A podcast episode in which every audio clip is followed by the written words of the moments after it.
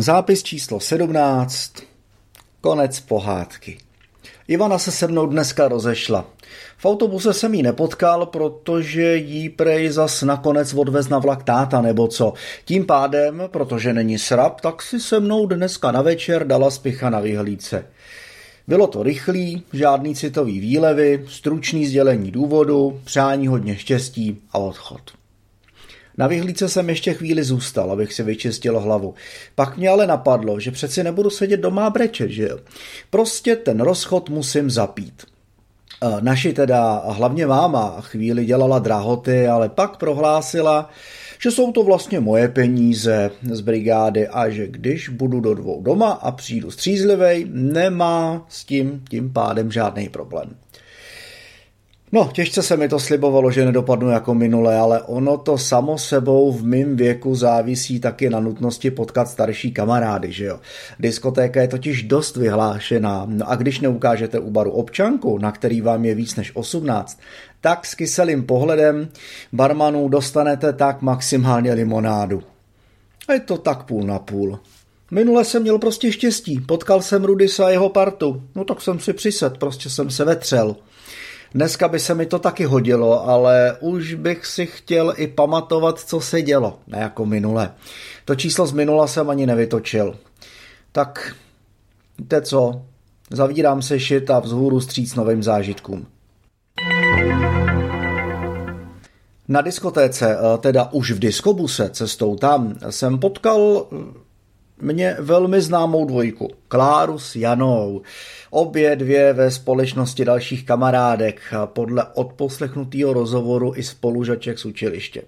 Klára se culila a jako vždycky její velký modrý oči svítily jako dvě modrý studánky. Nádhera. Na parádu si soudím holka moc nepotrpí, ale i v modrý mikině a černých kalhotách to docela sluší. Domluvili jsme se, že se sejdeme asi po hodině u baru na limonádu. Klára totiž nepije. I když miluje chodit na diskotéky a tancovat, prostě si vystačí s minerálkou a nebo jiným nealkonápojem. No a ani já bych na tom úplně nebazíroval, ale měl jsem prostě v plánu si dát trochu do nosu a spláchnout čerstvej rozchod s Ivanou. Ale nakonec jsem sušil hubu, protože jsem nepotkal nikoho ze známých nikoho staršího.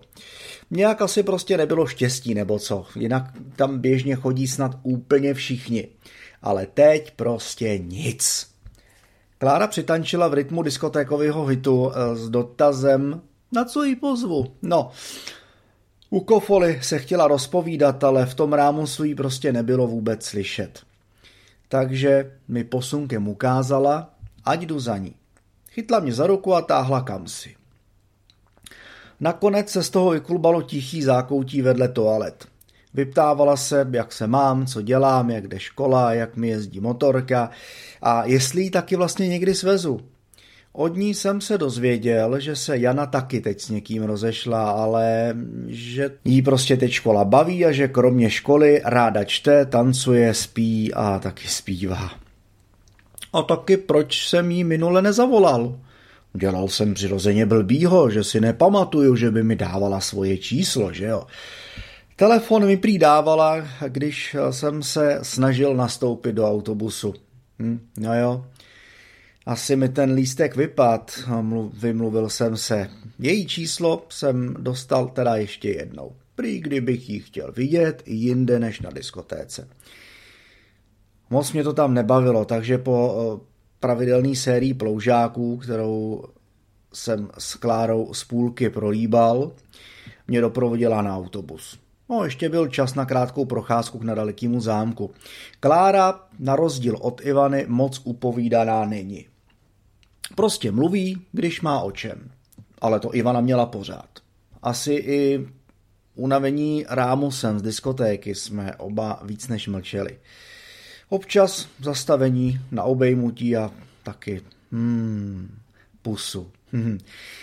Tak, jestli pohádka s Ivanou skončila, tak s Klárou nejspíš další začne. Hmm, musím ale z hlavy definitivně vytěsnit Ivanu, což teda nebude tak jednoduchý.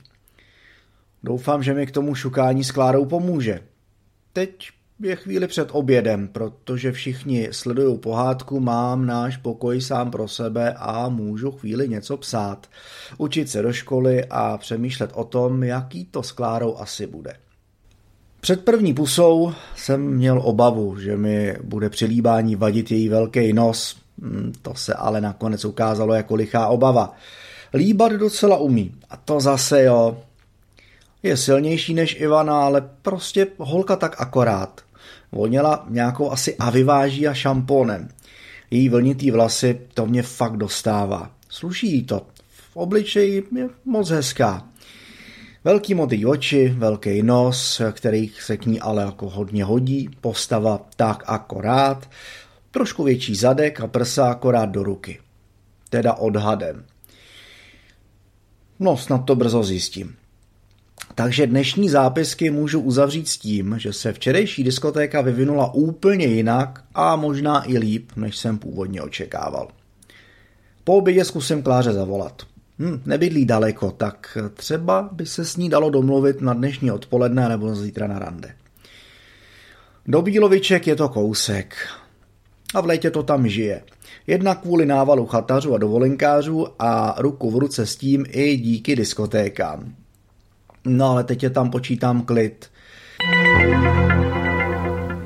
Klára nesklamala, ale musel jsem dorazit ještě dneska. Zítra prý se musí učit do školy. To se mi docela hodilo. Kláru mám vlastně cestou do, bab, do babčic, asi tak na půl cesty a klidně bych to ušel i pěšky, proč ne. Rande s Klárou se neslo ve stejném duchu jako včerejší procházka na diskotéce. Necítil jsem v tom ten správný náboj, ale kdo ví, třeba to přijde. Prostě tomu dám čas. Vyhovuje mi jak líbá, že není přehnaně zmalovaná a převoněná, ale prostě mi tam něco chybí.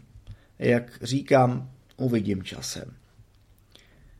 Nemluvností mi trošku připomíná Mariku, ale ta už je minulost. To konec konců Ivana taky a doufám, že mi Klára vyžene z hlavy i Ivanu.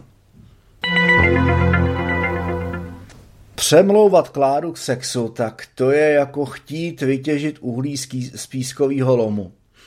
Nechá se hladit maximálně přes kalhoty, respektive přes legíny. Je fakt hezká a já už jsem vážně nadržený jako venkovský pes. Prostě potřebuju zasunout. Chci vědět, jak chutná. Začínám jí mít rád, ale tohle mě prostě odrazuje. Na diskotéce mi vždycky dává naději a pak jenom řekne, že by to stačilo. Zapne si bundu a kalhoty a je po všem. Myslím, že už to na mě včera musela poznat a jestli ne, tak je to fakt divný. Chodíme spolu přes měsíc a pořád nic. Já prostě prasknu. Jinak je Klára fajn holka, Zbytečně neprudí, nic mi nezakazuje, nic po mně nechce. Na rande se vždycky v pohodě domluvíme i díky tomu, že to k ní mám prostě kousek. A dokonce jsem se zase naučil chodit pěšky. Mám to v našem chození hned několik výhod. Jednak mě chodí vždycky vyprovázet skoro do půlky cesty a taky mě sebou občas bere ke koním. Máma je nadšená a já mám koně taky rád. Klára mě učí poznávat jejich povahu a tím mi dává šanci milovat je čím dál víc. Hm. Jo, v tomhle chození s Klárou fakt super. Taky mě na koních učí jezdit, takže se těším, až si uděláme výšťku zadem až k našemu baráku. Ideální by to bylo, když bude máma doma přirozeně. Chtěl bych vidět její blažený výraz a třeba, aby se taky po letech svezla.